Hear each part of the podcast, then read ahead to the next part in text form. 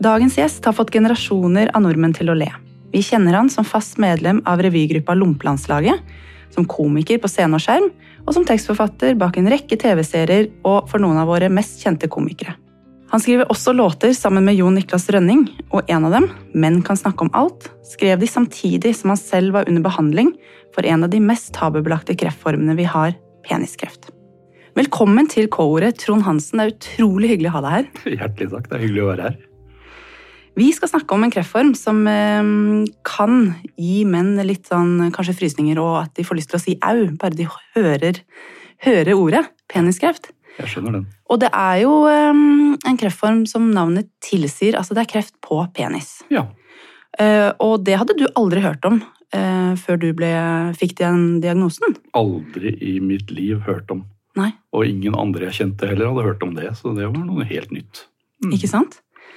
Eh, kan du ta oss med tilbake til dagen du fikk eh, høre det K-ordet for eh, første gang? Ja, det fikk jeg av en hudlege. Fordi først så Det startet på høsten 2020, eh, seinhøst, seinhøsten da. Da jeg oppdaget noe som jeg ja, kaller en vorte. Det så ut som en vorte, og det var på forhuden. Og jeg tenkte ikke noe særlig over det, for den blir vel borte av seg selv. Eh, men den, og den vokste ikke, den var ikke noe vond, ingenting, så jeg tenkte bare la det gå. Eh, Men etter et par måneder så tenkte jeg jeg får gå og få fjerna det. Eh, Så jeg gikk til en sånn drop-in-lege og sa kan vi ta vekk dette her. Så sier han jeg vet ikke helt hva det er, men jeg tror vi skal sende deg til en hudlege. Han sa jeg vet ikke hva det er, jeg heller. Men det ser ikke ut som det er noe farlig, vi kan bare ta det vekk. Men jeg sender det inn for sikkerhets skyld. Og så ringte han meg da eh, en tid etterpå og sa at uh, dette er nok en mild form for kreft.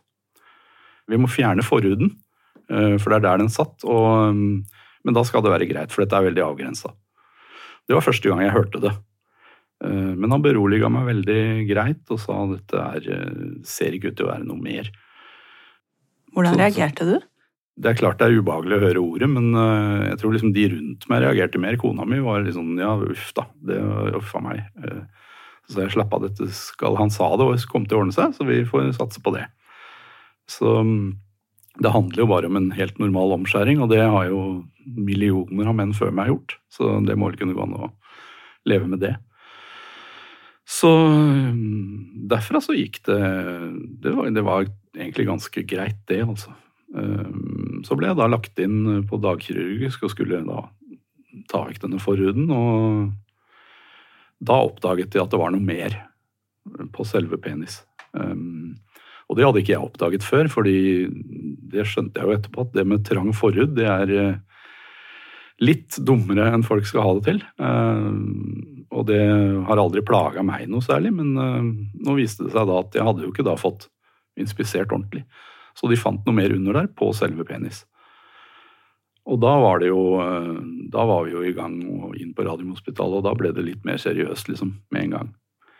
Eh, For da visste vi jo ikke hvor omfattende det var, og hva slags behandling man kunne få, og om det var hvor farlig det var. Og, eh, men eh, Og derfra gikk det så fort at da rakk jeg ikke å tenke noe særlig mer. Da jeg, ble jeg plutselig ringt opp og fikk eh, time til undersøkelse videre på Radiumhospitalet og har fått hjelp derfra. Liksom. Så det første møtet med, med K-ord var egentlig ikke så farlig. Eh, fordi det gikk så fort, og vi ble hele tiden beroliget om at dette var relativt avgrensa og ikke så veldig stor sjanse for at det var noe spredning. Um, Du sier at uh, det gikk et par måneder før du gikk til legen. Um, og vi vet jo at um, kanskje spesielt menn kan jo vente litt lengre enn eh, kvinner med å gå til lege med, Mm. med plager. Um, hvordan er det for deg? Er du, er du flink til å gå til legen? Nei, jeg har aldri vært flink til å gå til legen, men hvis jeg oppdager noe spesielt, så, så tar jeg tak i det. Eh, Det tror jeg jeg gjør. Eh, Men man utsetter jo ting. Man utsetter jo ofte ting. Det er klart, og det er nok lett å gjøre det. Eh, Men i det tilfellet her så var det på et sted som Selv om det ikke var noe ubehagelig eller vondt, så er det jo litt upraktisk, for å si det sånn.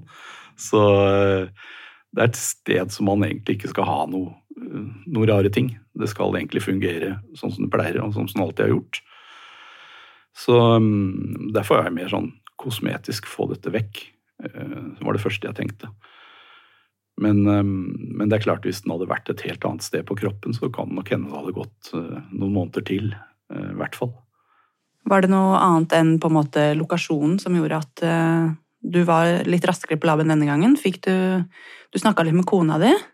jeg hadde vært der og, og, fikk beskjed om at det var lang ventetid til hudlege, så begynte hun å pushe på litt og si at dette syns jeg ikke du skal vente så lenge med i tilfelle det er noe annet enn det du tror. Og takk og pris for det, for det var det jo. Jeg tenker eh, som kvinne selv, da, så eh, er det ikke like uvanlig for meg kanskje å undersøke underlivet, fordi jeg blir jo jevnlig innkalt til um, i livmorhalsprogrammet. Det er jo et screeningprogram for um, livmorhalskreft. Mm. Og så hvis man eh, har vært gravid og har født og sånn, så er det jo også mye vanligere å få underlivet undersøkt. Og, men det er, jo, det er, jo, ikke helt sånn for menn. Nei. Um, hadde du stått mye naken foran en lege før? Nei, det hadde jeg ikke. Uh, absolutt ikke. Uh, det, det, min erfaring med de tingene er jo at man blir oppfordra til å sjekke testiklene med jevne mellomrom, og det gjør man jo. Men, men nå er du 65 år? Ja og uh, kanskje litt mer gjennomundersøkt enn de fleste. Er de undersøkelsene så skumle som kanskje noen kan frykte? Nei, jeg kom ganske fort over den sjenansen der, egentlig. Jeg har aldri vært veldig sjenert på det, men, øh, men, det er klart de første gangene er det litt rart. Men øh, de har aldri i løpet av den prosessen jeg har vært gjennom, vært ubehagelige, smertefulle eller noe som jeg liksom vil si til folk holde Å nei, uff a meg, det var fæle greier det har gått veldig greit gjennom hele prosessen. Så, så det har jeg ikke noe, ikke noe problem med, og det er, det, det er blitt helt naturlig å, å, få det undersøkt. Det er ikke så skummelt? Nei, overhodet ikke.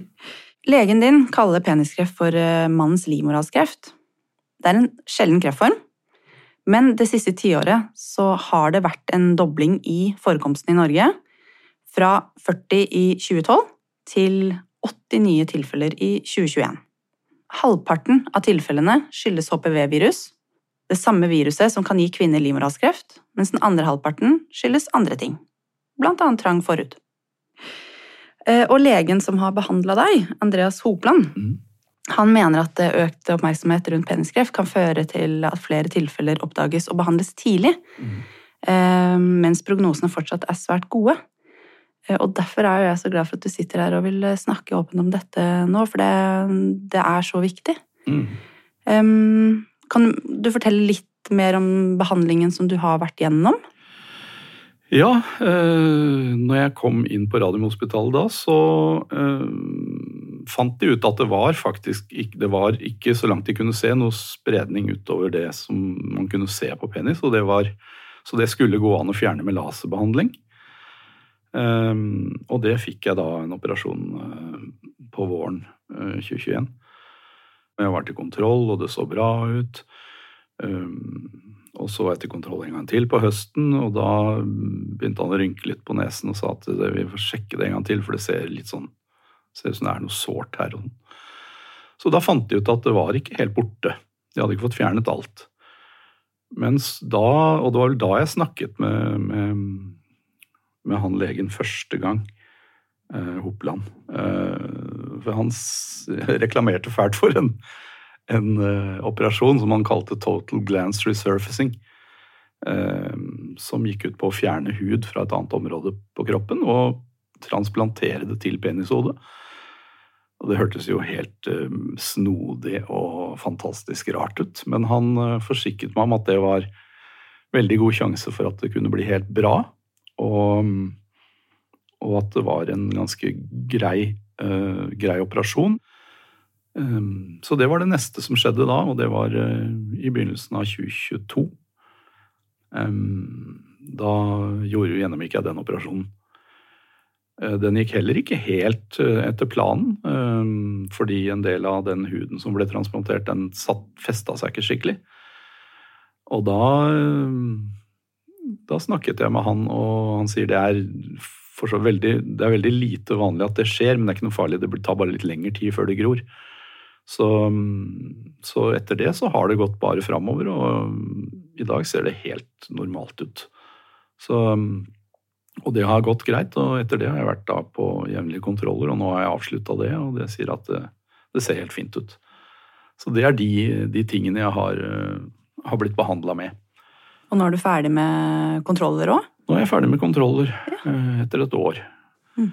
Men nå har jeg jo jeg har kontakt med han, og jeg har kontakt med Kreftforeningen, og jeg liksom føler at jeg får sagt ifra om det som, som, er, og spurt hvis det er noe, så, så spør jeg han. Fått veldig god oppfølging fra Radiumhospitalet, og fra han spesielt, da. Det er godt å høre. Mm. Eh, og Kreftforeningen har jo en eh, årlig mannekampanje i november.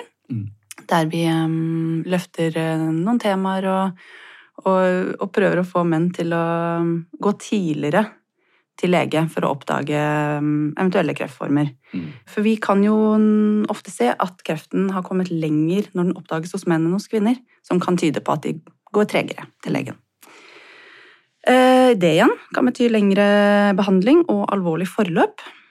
Har du våga noen gang å tenke på hva som kunne skjedd hvis du hadde venta enda lenger? Ikke veldig mye.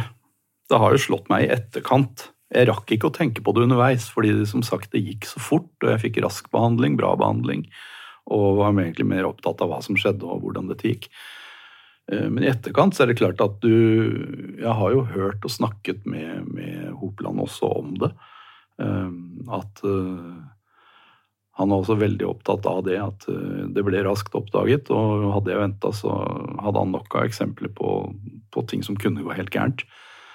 Eh, så jeg, det har jo slått meg at jeg er happy for at det skjedde så fort. At jeg fikk den lille dytten av kona mi, og at vi kom i gang med behandling. Eh, så det jeg liksom i etterkant eh, ser, er det der med, som jeg snakka om, at trang forhud bør det gjøres noe med ganske tidlig. Det er lettere å kunne sjekke seg selv. Det har jeg aldri liksom hatt muligheten til.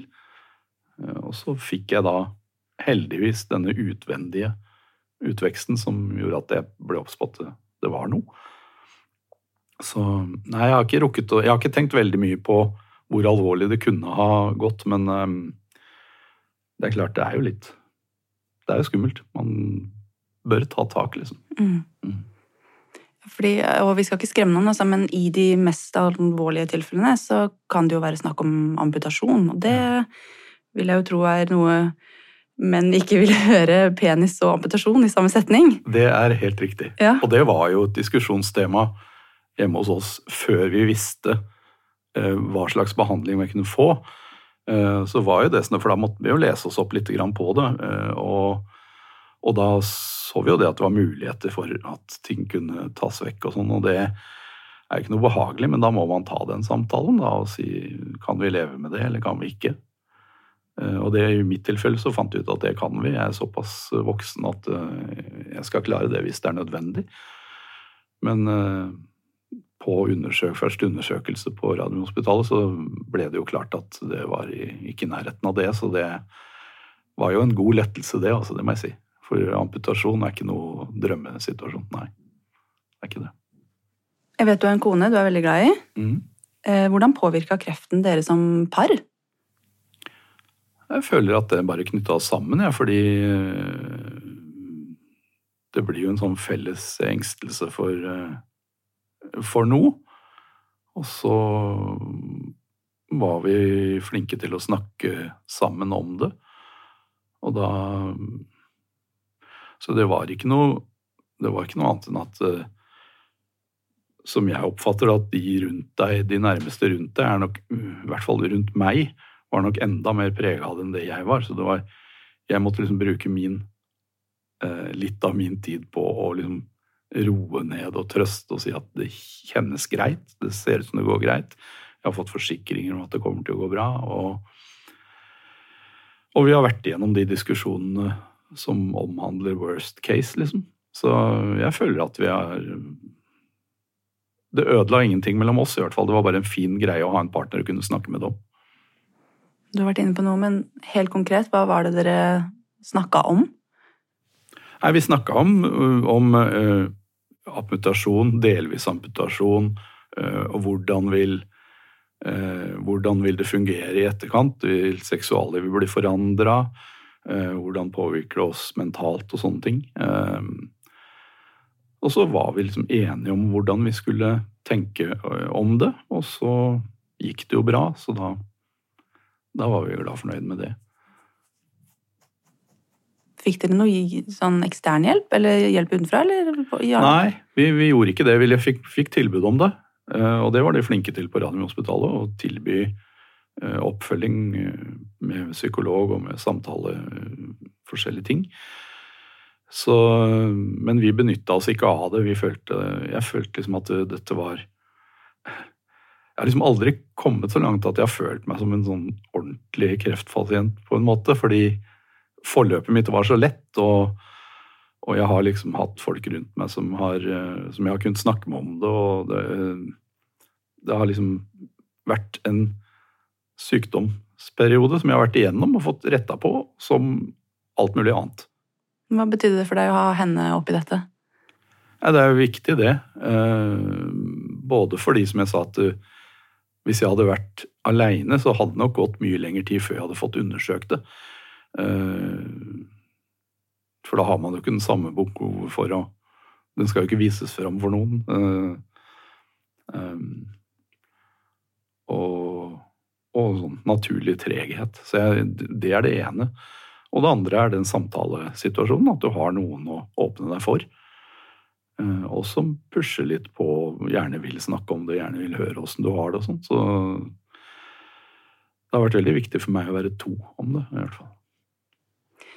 Nå kan det hende det er noen som sitter og lurer litt på om liksom hvordan, hvordan står det til i dag? Er alt eh, Jo, takk. Alt som fungerer? alt fungerer sånn som det fungerte før jeg ble syk. Og det er jo egentlig, føler jeg, litt av min misjon når jeg snakker om dette i forskjellige forum. Liksom at, at, jeg har vært heldig, men jeg, det har gått bra. Og ting ser vanlig ut.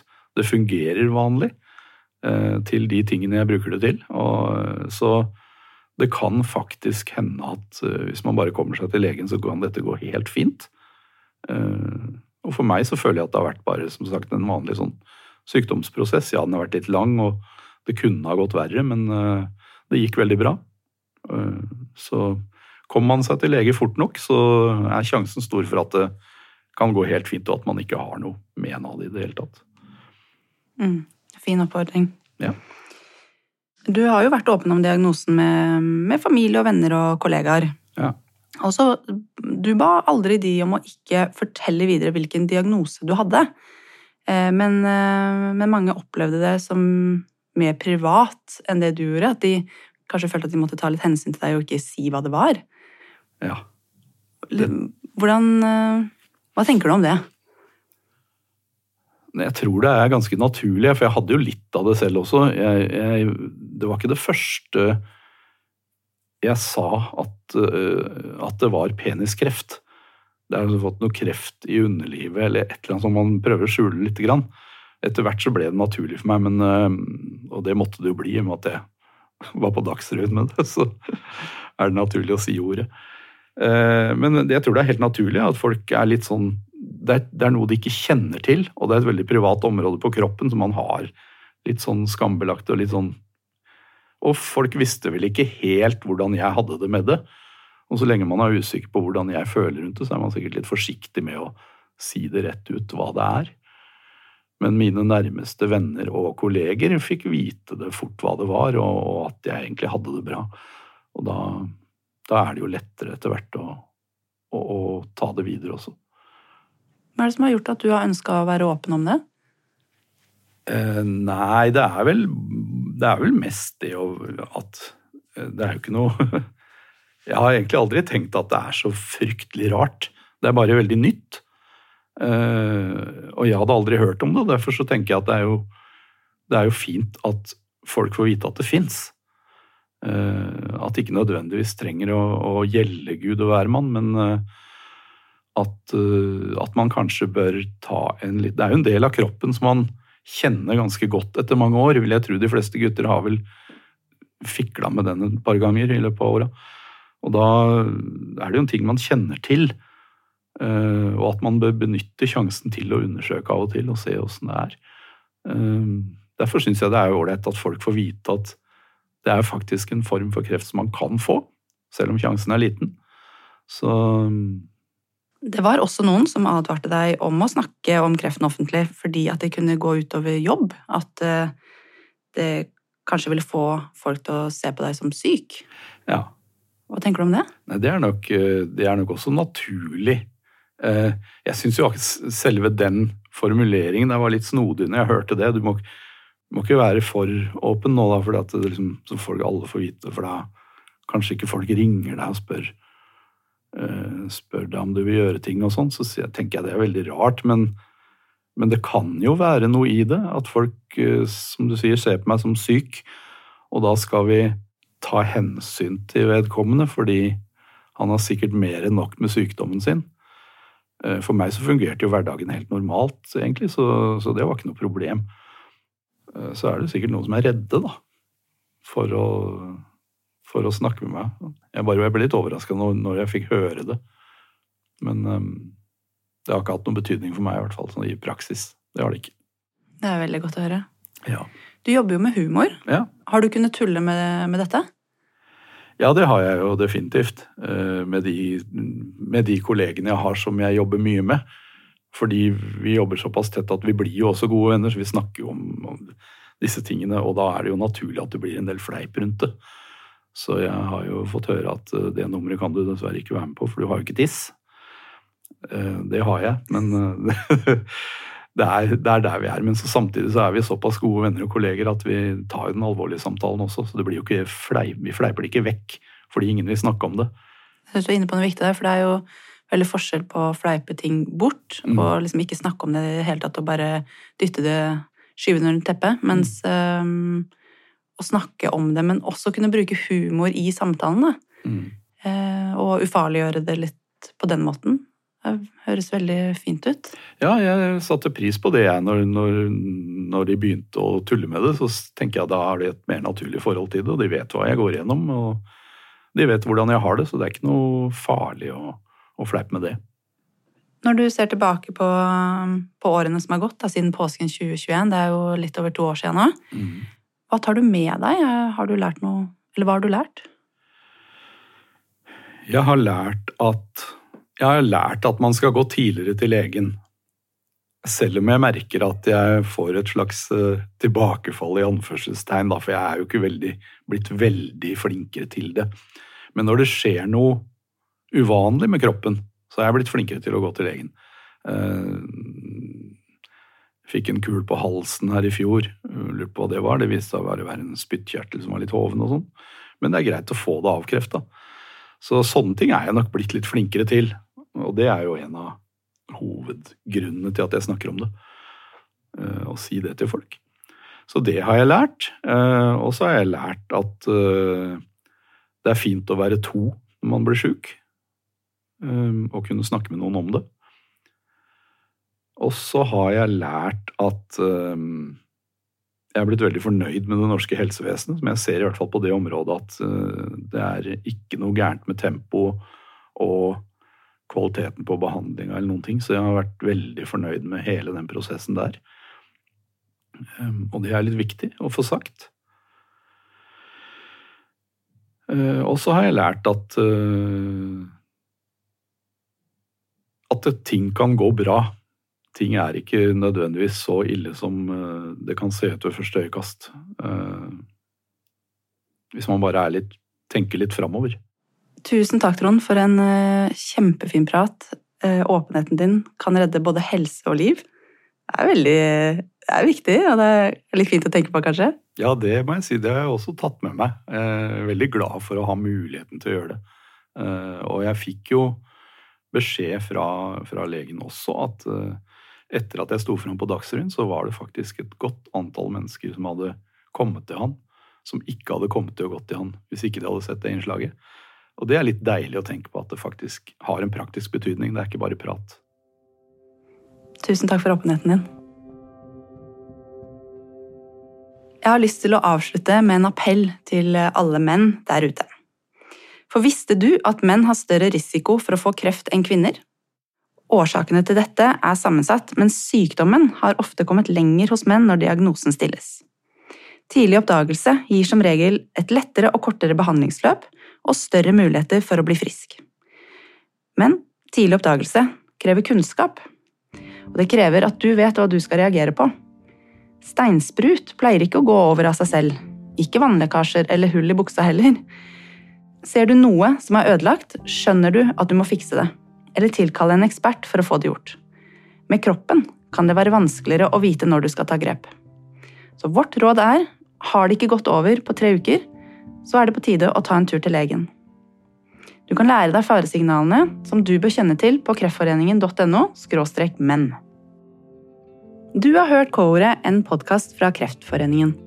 Vi jobber for at færre skal få kreft, at flere skal overleve kreft, og få bedre livskvalitet for pasienter og pårørende. Du kan lese mer om arbeidet vårt og hvilke tilbud vi har til deg på kreftforeningen.no. Der finner du også rådgivningstjenesten vår om du trenger noen å snakke med etter å ha hørt denne episoden. K-ordet er produsert av Gjenklang for Kreftforeningen. Produsent for Gjenklang er Christian Konglund. Produsent for Kreftforeningen er Birgitte Hoff Lysholm. Og jeg heter Sandra Christiansen.